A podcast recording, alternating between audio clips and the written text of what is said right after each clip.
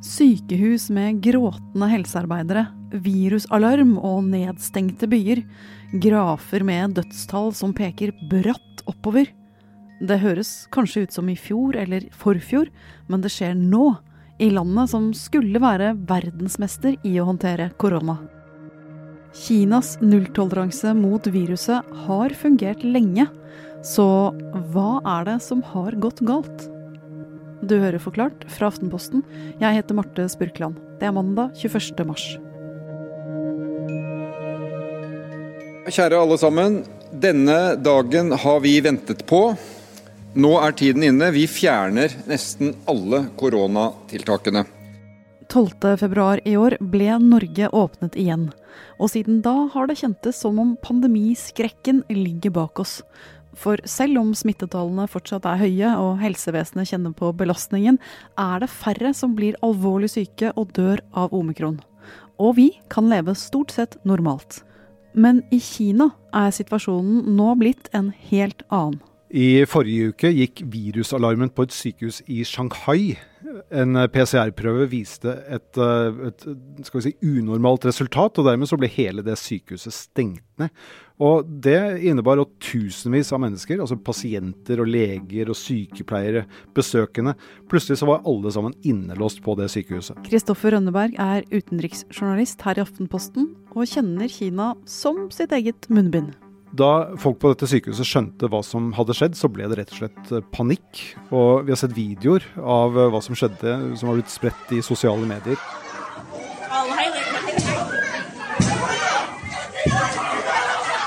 Der ser vi hvordan helsepersonell slåss. Vi ser ansatte som bryter sammen i gråt. Og dette er jo da to år etter at Kina på mange måter fikk kontroll på det opprinnelige koronautbruddet. Altså det som eksploderte i, i Wuhan på nyåret i, i 2020. Så i to år så har kineserne klart å holde dette viruset på avstand. Men nå, plutselig, så gikk alarmen altså igjen på dette sykehuset i, i Shanghai. Og hvis vi ser to år tilbake i tid, til nyttår eller våren 2020 det kom jo overraskende på de aller fleste at et virus skulle spre seg så fort og være så dødelig. Og det var rapportene fra Wuhan som gjorde at vi skjønte alvoret. Ja, Mange av oss husker vel kanskje de bildene fra den første fasen av pandemien i Kina. Folk som ble sperret inne, vakter som boltet fast dørene inn til leilighetene deres. Vi, vi, så bilder av poser med mat som måtte heises opp til sultne folk på balkonger. Og vi, vi hørte fortellinger om familier som ikke slapp ut av leilighetene sine på ukevis. Det var snakk om at koronapandemien ville skape både en babyboom og en, og en skilsmisseboom fordi folk har samlet så tett sammen så lenge. Så i, i, Wuhan og andre steder så bygget jo sykehus også i rekordfart for å få plass til tusenvis av mennesker som, som var smittet. Det, det, var en sånn apokalyptisk stemning med mennesker som, som segnet om i gatene og bare døde. Men så så det ut til at kineserne klarte å få kontroll på situasjonen. Etter hvert kom ikke de verste bildene derfra. Nå kom de fra Italia og Østerrike, hvor sykehusene var stappfulle og dødstallene steg intensivmottak ble bygget der hvor det ikke hadde vært intensivmottak eh, tidligere. Og vi så jo da også alle likposene fra disse landene. Og for å slippe at ting skulle bli som de var i Wuhan i starten av 2020, innførte Kina nulltoleranse mot korona. Ideen har vært å slå hardt ned på absolutt alle smittetilfeller for å unngå at smitten skulle spre seg videre. Og hvis man tester positivt, så blir alle man jobber med, alle som bor i samme bygningen, folk man har vært i butikken med, alle sammen blir satt i karantene. Så én syk person har altså kunnet eh, sette flere hundre andre ut av spill i flere uker. Og hvis man vil besøke Kina fra utlandet f.eks., så må man være isolert i tre uker etter ankomst før man får lov til å gå inn i resten av samfunnet. Så det har vært masse restriksjoner, også for eh, det å bevege seg inne i landet. Man må ha en QR-kode som man må vise fram for å komme seg inn i butikker, på toget og inn i ulike byer. Så alle disse tiltakene de har vært strenge, men samtidig så har det gjort at folk flest har kunnet leve et tilnærmet normale liv så lenge de har vært eh, smittefrie. Og den nulltoleransen som har vært i Kina, den har jo du kjent på kroppen, Kristoffer? ja, I en liten periode i hvert fall. I, I, likhet med alle andre som reiste til Kina i februar for å dekke OL i Beijing, så så, så, så jeg hvordan eh, dette nulltoleransesystemet fungerte. Uh, alle utøvere, støtteapparatet og altså vi journalistene, vi måtte holde oss inne i en egen OL-boble. For å komme oss inn i den boblen så måtte vi teste oss tre ganger. Og mens vi var der, så måtte vi teste oss hver morgen før vi i det hele tatt slapp ut fra hotellet vi bodde på. Og, og, de stakkarene som testet positivt mens de var der, i den boblen, de havnet rett i en sykebil. Og så var det rett inn på egne hoteller der de måtte sitte isolert i minst en uke, helt til de hadde vært øh, øh, gitt negative resultater i, i flere dager. Under OL ville kinesiske ledere ta gullmedalje i pandemihåndtering. Verden skulle se at de kunne gjennomføre olympiske leker uten å utløse en smitteboom. Men de siste to ukene har smittetallene i Kina skutt til værs. Omikron-varianten har kommet seg forbi nulltoleranse, tiltak og lukkede bobler. Og nå begynner det å ligne en krise. Kan det ha vært OL som brakte en ny runde smitte til Kina, Kristoffer? Ja, det er det helt umulig å, å, si noe om. Det er ingenting som tyder på at det var en direkte sammenheng mellom OL og, og dette utbruddet. Uh, og så vet vi også at flere eksperter sa allerede på slutten av fjoråret at uh, omikron det sprer seg så lett og det er så smittsomt at uh, selv i et land med nulltoleranse så vil det være nesten umulig å, å, klare å unngå at dette viruset sprer seg. Men uansett hvordan det nå har skjedd, så har altså omikron begynt å feste seg i nesen og halsen til folk over hele Kina. Store byer har blitt stengt ned, bl.a. finanssenteret Shenzhen i Sør-Kina og Jilin-provinsen i Nordøst-Kina. Og I uh, denne Jilin-provinsen så har jeg snakket med flere folk som bor i en by som heter Changchun, uh, og en av de større byene i, i provinsen. Og, og, De forteller om en, eh, en, situasjon som er ganske lik den OL-boblen vi var i, hvor de må teste seg hver dag, og hvor det er folk som igjen da får dørene sine boltet fast for at de ikke skal slippe ut. Så nå er det alvor, altså. Hva kan skje fremover nå? Nå blir jo kinesiske myndigheter stilt på en veldig alvorlig prøve, eh, hvor eh, viruset har spredt seg til mange ulike byer. Hvis de klarer å slå ned på det nå, så vil det være en stor seier for dem. Men samtidig så er det kjempevanskelig. Og vi ser også at viruset er dødelig fortsatt, spesielt for de som ikke har vaksinen og som eh, er eldre. Og hvis det kommer meldinger fra Kina de neste ukene om at alt går bra, er det da nyheter vi kan stole på?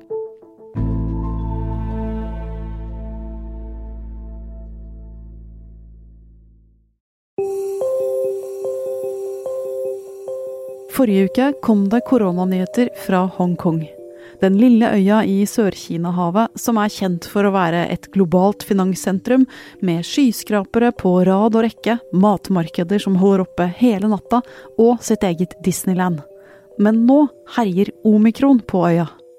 I forrige uke så postet en av tolknuserne i Financial Times en melding på Twitter der vi kunne se noen ganske skumle grafer som viser hvordan dette koronaviruset har spredt seg i Hongkong de siste ukene, sammenlignet med, med andre land.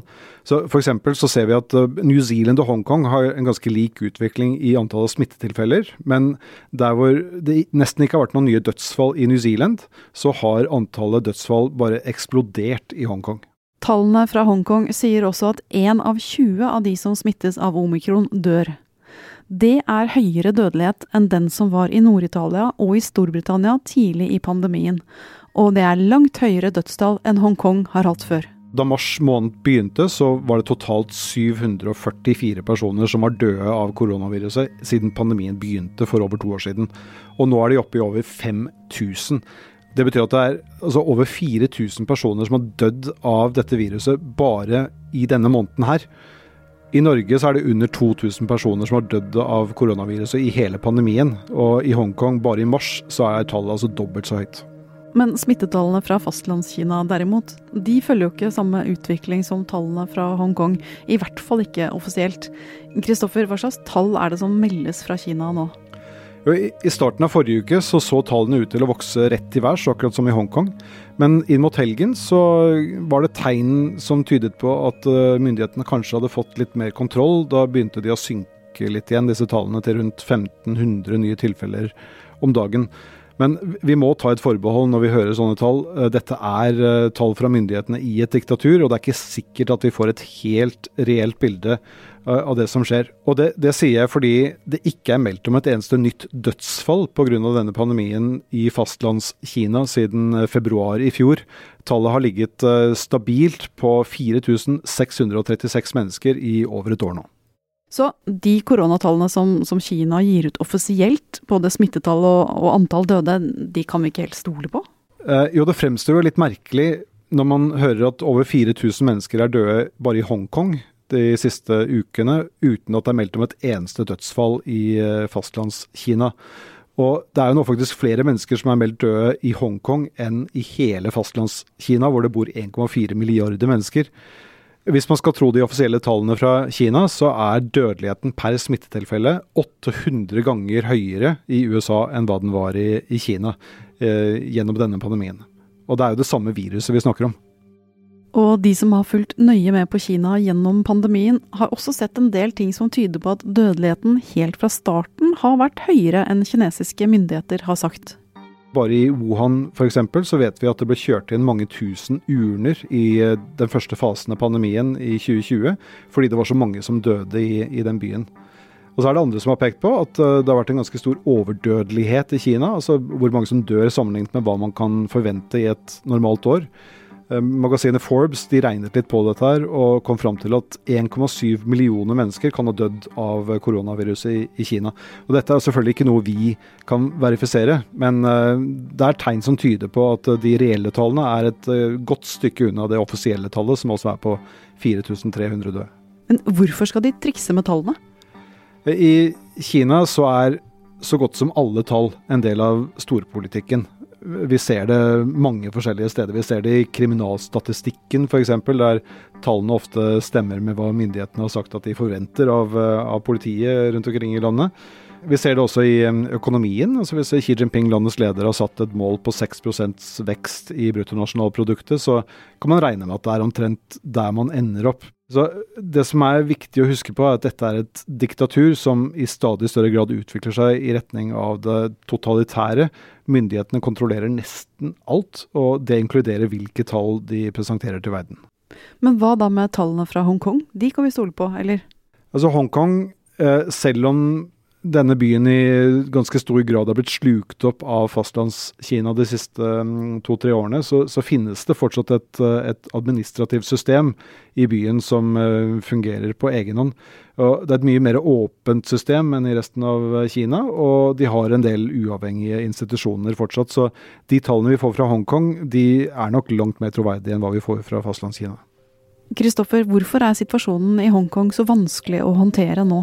Den største utfordringen det er nok at det er mange eldre som ikke er fullvaksinert, i Hongkong spesielt. 70% av folk over 80 år i Hongkong mangler de vaksinene de trenger for å være beskyttet, og det er nok hovedgrunnen til at det er så mange som dør der akkurat nå. I fastlandskina der er det ikke fullt så ille, men det er fortsatt 30% av de eldre der som ikke er fullvaksinert. Og myndighetene jobber nå veldig hardt for å få flere eldre til å ta vaksinen i Kina nå. Og vaksinen folk flest i Kina får, er utviklet i Kina. Den heter Sinovac, og den er ikke en såkalt mRNA-vaksine med små budbringere til kroppens immunforsvar, sånn som Pfizer og Moderna-vaksinene. Det er mer en sånn tradisjonell vaksine basert på en mild variant av eh, koronaviruset. Og Det er litt uklart, for det er ikke offentliggjort så mange undersøkelser av nøyaktig hvor effektiv denne vaksinen er, men akkurat det er vel noe av det vi kommer til å lære mer om eh, nå i, i dagene som kommer. Nå, to år etter det første koronautbruddet i Wuhan, har verden fått seg litt trening i hvordan dette viruset skal håndteres. Og nettopp det gjør scenene fra sykehuset som ble stengt ned i Shanghai forrige uke, litt ekstra spesielle. Det var interessant å se på reaksjonene på det sykehuset i Shanghai som ble stengt ned. I, I, en av videoene derfra så kan man se en sykepleier som er veldig veldig tydelig opprørt. og Hun sier at uh, de ikke var trent uh, til å håndtere smitts smittsomme sykdommer, og at de heller ikke hadde det utstyret de trenger. Og Hvordan er det mulig, da? Altså To år inn i pandemien. Uh, det er jo, fremstår jo som litt rart. Ja, Det er jo litt sånn, det kan jo høres overraskende ut med tanke på at koronaviruset jo oppsto i Kina. Men uh, så må vi huske på at uh, de har jo klart å holde dette viruset på avstand de siste to årene. Og myndighetene har håndtert uh, de virustilfellene som har dukket opp ved å isolere folk der det har vært mulig. Og dermed så har ikke folk på vanlige sykehus egentlig måttet forholde seg til pandemien i, i noe særlig grad i disse to årene. Så etter to år med tidvis ganske høy smitte her hjemme, så kan kanskje vi som da har stått litt i det, være bedre rustet for fremtidens pandemier enn det Kina er akkurat nå? Ja, Det er det jo helt uh, umulig å si noe om. Men jeg tror i hvert fall at ordet pandemi er noe som er blitt mye mer håndfast for uh, oss alle i denne store globale landsbyen enn hva det var for tre år siden. Så får vi se om det gjør, det, uh, gjør at vi er bedre forberedt på den neste, eller om vi bare legger alle, disse erfaringene i glemmeboken i et forsøk på å vende tilbake til en normal hverdag. Men i Kina akkurat nå så handler det jo ikke om å håndtere den neste pandemien, men å komme seg gjennom den eksisterende. Her i Norge sitter vi jo og, og ser fram til våren og tenker at dette er et tilbakelagt kapittel. For kineserne så er dette fortsatt noe som ligger foran dem, og som de er midt inni. Og Derfor så blir det jo veldig viktig å se hva som skjer i, i dagene fremover.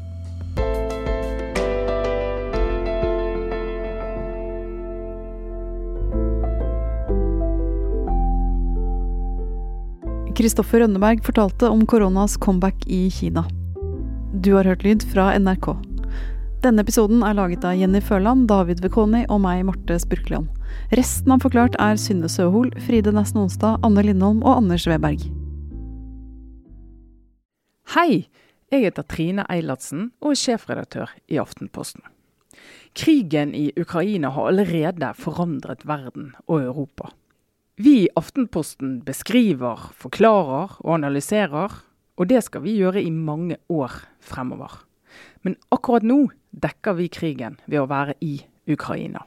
Vi verifiserer bilder og videoer, vi leter etter egne kilder som kan bekrefte det som skjer på bakken. Vi er der selv. Hvis du vil følge med på dette fremover, må du gjerne lese Aftenposten.